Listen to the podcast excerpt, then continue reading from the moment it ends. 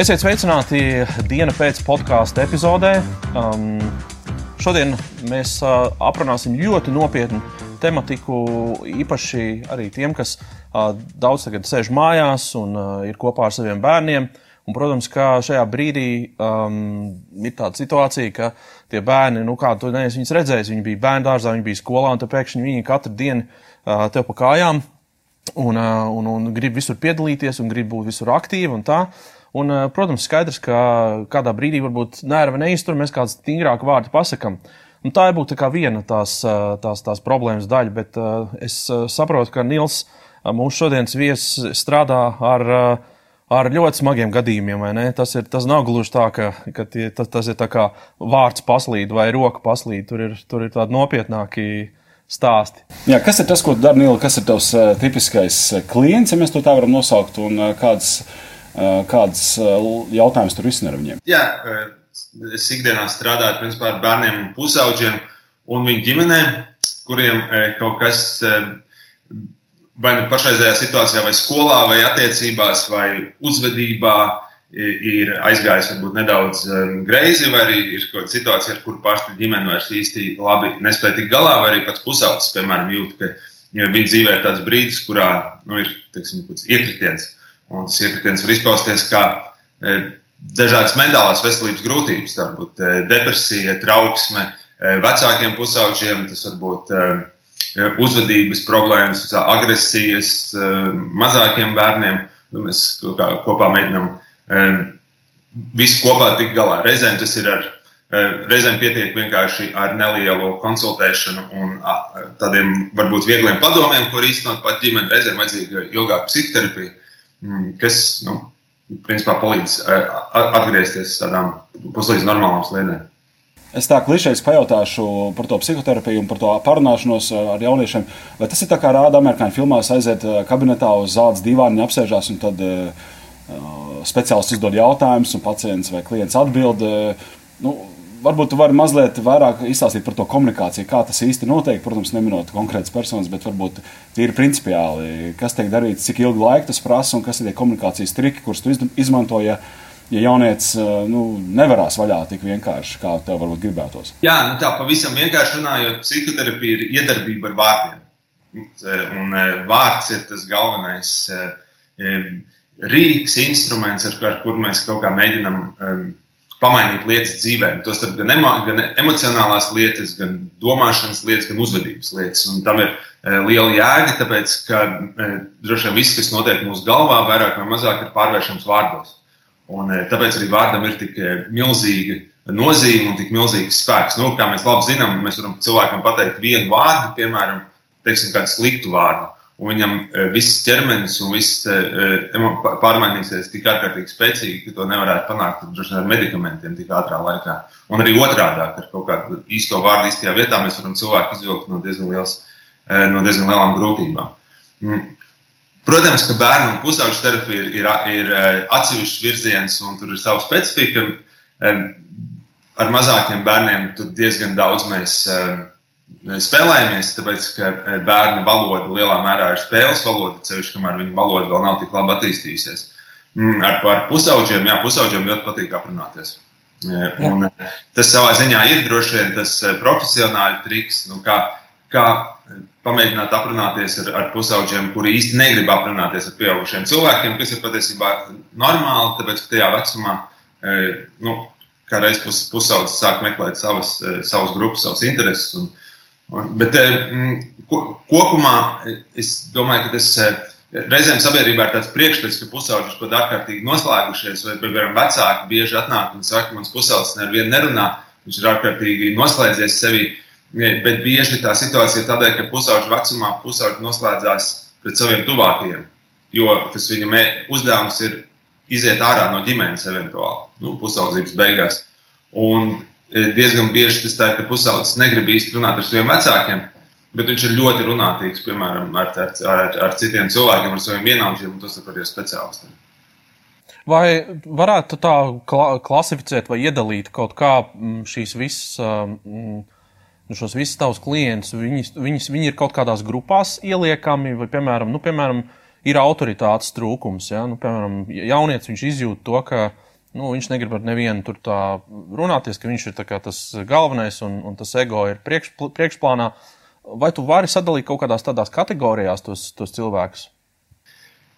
Uh, nu tāds, viens veids, tāds liels kategorijas ir diezgan vienkārši. Tas ir, tie būs vieni pusauši, būs tie, kuri, kuriem šīs te, problēmas izpaužās uz iekšā respektīvi, viņiem ir grūtības ar emocijām, viņi kļūst depresīvi, noslēgti, izolēti. Graizīšanās šobrīd ir ārkārtīgi liela sociālā, sociālais fenomens, ar ko pusauģi nodarbojas. Nu, respektīvi, viņi kļūst skumji, pasīvi, nomākti. Un, un tā izpaudīsies viņa problēmas. Un tad otra lielā grupa būtu tie, kuriem ir pretēji, kuriem problēmas izpaužās uz ārā. Un tie būs pusauģi, kuri klaiņos, lietos alkoholu, pīpēs, narkotikas, lietos, ieklausīsies problēmās ar policiju, eh, kausies, būs agresīvi, verbāli. Un, eh, nu, teiksim, tā, varbūt tādi divi lielie dalījumi. Es, um, man, man interesē, nu, piemēram, konkrēti, nu, tātad, ja, ja es, man ir aizdomas, ka bērns vai nu grib griezties, vai jau, jau ir sācis kaut ko eksperimentēt un darīt, un, uh, Un, uh, mums ir šis pieķeršanas mirklis, kā man komunicēt, kā vecākam, kas būtu tā tava recepte, ko tu varētu iedot tādas vispārīgas, varbūt lietu vai tādu pirmā, pirmā palīdzību šajā jautājumā vecākam. Jā, noteikti ir dažas lietas, ko var darīt kā pirmo palīdzību, bet e, tas triks, kā ar visām lietām, e, manuprāt, ir sākt to komunikāciju pirms tam. Un, respektīvi, e, radīt to fonu labvēlīgo līdz kādas problēmas sākās. E, tāpēc, ka, ja um, ja teiksim, jums, jums ir mājās pusaudzis, ar kuru īsti nav tāda laba kontakta un, un tās attiecības varbūt nav tik tuvas, tad tajā brīdī, kad viņam pienāks problēmas, tad uz sitiena sākt, sākt kaut kā intervencēt un, un, un ar viņu runāt būs ļoti grūti. Nu, Restīvi, to, to vislabāk ir darīt pēc iespējas agrāk. Un, un sākt, bet te, patiesībā jau viena tā svarīgākā lieta ir, mm, manuprāt, ka, lai pusaudzim un bērnam to starp radīt to sajūtu, ka tad, ja viņam ir kādas problēmas, viņš iekuļās kādās problēmās, ka vecāks ir tas cilvēks, pie kā viņš pirmais var iet un var justies droši un viņam pateikt, um, lai arī kas tas būtu. Nu, piemēram, arī cik liels būtu tās, tās problēmas, ko viņš būtu savārījis, vai, vai, vai arī cik, cik slikta būtu tā, tā iekšējā sajūta, kādā viņš jūtas. Lai viņš nebaidītos, lai nebaidītos no tā, ka vecāks viņu nosodīs, kauninās, varbūt pats kritīs histērijā, nespēs tikt galā. Respektīvi, vecākam vajadzētu radīt to sajūtu, ka viņš ir tā drošā bāze, pie kuras var e, ja, ne obligāti ikdienā, bet nu, tādos krīzes brīžos, uz viņu vienmēr var paļauties. Man ir jautājums, tu pieminēji to vārdu spēku, un tas man ļoti aizķēra, jo mēs ar Kristupam arī esam tieši komunikācijas jomā, un, protams, ikdienā strādājot biznesā, mēs nerisinām varbūt tādas ļoti sāpīgas problēmas, tomēr Tā, kad tu pieminēji par to vārdu, es uzreiz aizdomājos, vai tas ir psihoterapeita vārds, kuru jaunietis sadzird un ta, tas viņu tā kā dziedina, vai tas ir ar tavu palīdzību izvilināts vārds vai vārdi no viņa paša, kas viņu nu, ārstē vai, vai uzlabo viņa pašsajūtu. Kurā pusē, vai, vai, ir, vai tie ir abi šie aspekti? Tā ļoti interesanti noformulēja Man pat liekas, ka pats spēcīgākais vārds, un kas varētu visā šajā izdoties, ir, ja kaut kādā veidā šī sadarbība e, ļauj vecākiem pateikt to, tos pareizos vārdus savam, savam bērnam, savam pusaudzim. Jo tas gan ir kaut kas, ko absolūti var redzēt, ka neatkarīgi no tā, kas notiek e, pašā terapijā, ja izdodas kaut kā e, arī tajā iesaistīt vecākus, un viņi vairāk pievēršas bērnam un, un teiksim, nedaudz pamaina savu komunikācijas stilu, tad tas efekts un, nu, ir ārkārtīgi liels. Un tam ir tas pats lielākais, manuprāt, eh, potenciālais spēks. Bet kā tad notiek praktiski tās sesijas? Tas nozīmē, ka tu tiecies ar bērnu un ar vecākiem atsevišķi, vai jūs visi kopā, kā, kā ģimene, vai viena no vecākiem. Nu, kā tas eh, notiek un cik reizes tas prasa? Nu, tā tipiski vienkārši tiem, kas mūs eh, skatās un klausās, kam ir aizdomas varbūt par, par, par savu jaunieti iespējams, ka šis ir risinājums, ar ko viņiem jārēķinās. No tas, tas ir drusku atkarīgs no bērna vecuma. Jo jaunāks bērns, jo lielāka loma būs vecākiem, jo viņiem vairāk vajadzētu iesaistīties. Eh, un jo savukārt pusaudzis kļūst lielāks, jo tuvojās jauniešu vecumam, jo eh, tā terapija ir vairāk eh, darbs ar pašu pusaudzi. Bet kopumā tas vienmēr būs, praktiski vienmēr tā, tā būs vispirms būs tikšanās ar ģimeni kopā. Tādēļ, ka neviens speciālists, to starp es, mēs nevaram būt e, Respektīvi, vecāki ir vislabākie eksperti par, par saviem bērniem. Tikai vecāki zina, kas, kādas īsti ir nianses, kas patiesībā ar viņiem darbojas, kas nedarbojas, kā ar viņiem labāk runāt. Tas viss ir vecāku lietas. Mēs esam, kā, nu, zināmā mērā, tāds nedaudz atbalsts no malas. E, un, jebkurā gadījumā, viss darbs sākās kopā ar ģimeni. Jo turklāt arī svarīgi, lai visi iesaistītie nu, teiksim, piekrīt tam, e, ka ir, ka ir problēma, un lai visi kaut kā kopā vienojas par to, kāda īsta problēma ir. Tādēļ, ka ir e, ceļš pusauģu vecumā šīs izpratnes ļoti atšķirās. Nu, tāds stā, klasisks gadījums ir e, vecāki, piemēram, uzskata, ka e, problēmas ir, ir tas, ka pusaudzis nemācās, vai ka viņam nav motivācijas, vai ka viņš, piemēram, smēķē marihuānu, un pusaudzim savukārt neviena no šīm lietām nešķiet kā problēma. Un viņš neidentificē tajā, vai reizēm viņš pat identificē tajā kā reiz risinājumu savām problēmām. Nu, un tad tas, tas darbs sākās ar to, ka visi kopā kaut kā vienojās ar to, kas tad īsti ir tā, tā, tā, tas, tas kodols, ar, ap ko tad visi var kaut kādā mērā strādāt.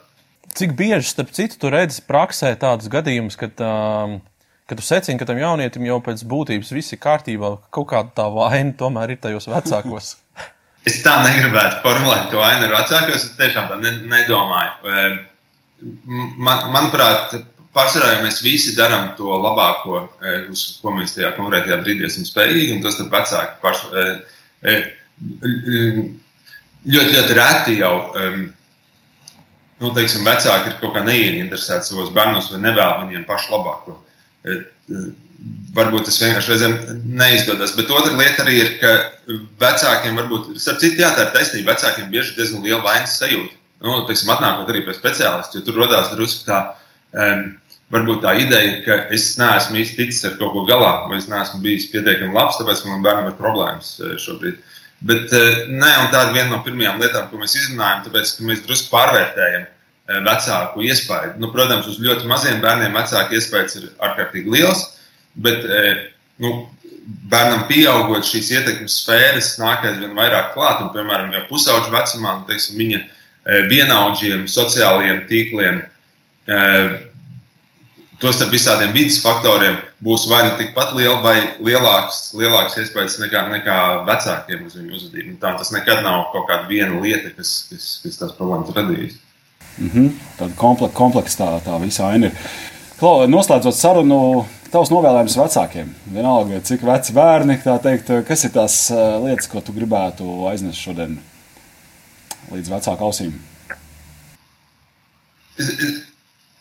Manuprāt, tas, ko arī praksē var redzēt, bērnu eh, emocionālais stāvoklis ir ļoti, ļoti saistīts ar vecāku emocionālo stāvokli. Un sevišķi tādos krīzes brīžos bērni vienkārši skatās uz saviem vecākiem un reaģē tā, kā viņu vecāki reaģē uz krīzi.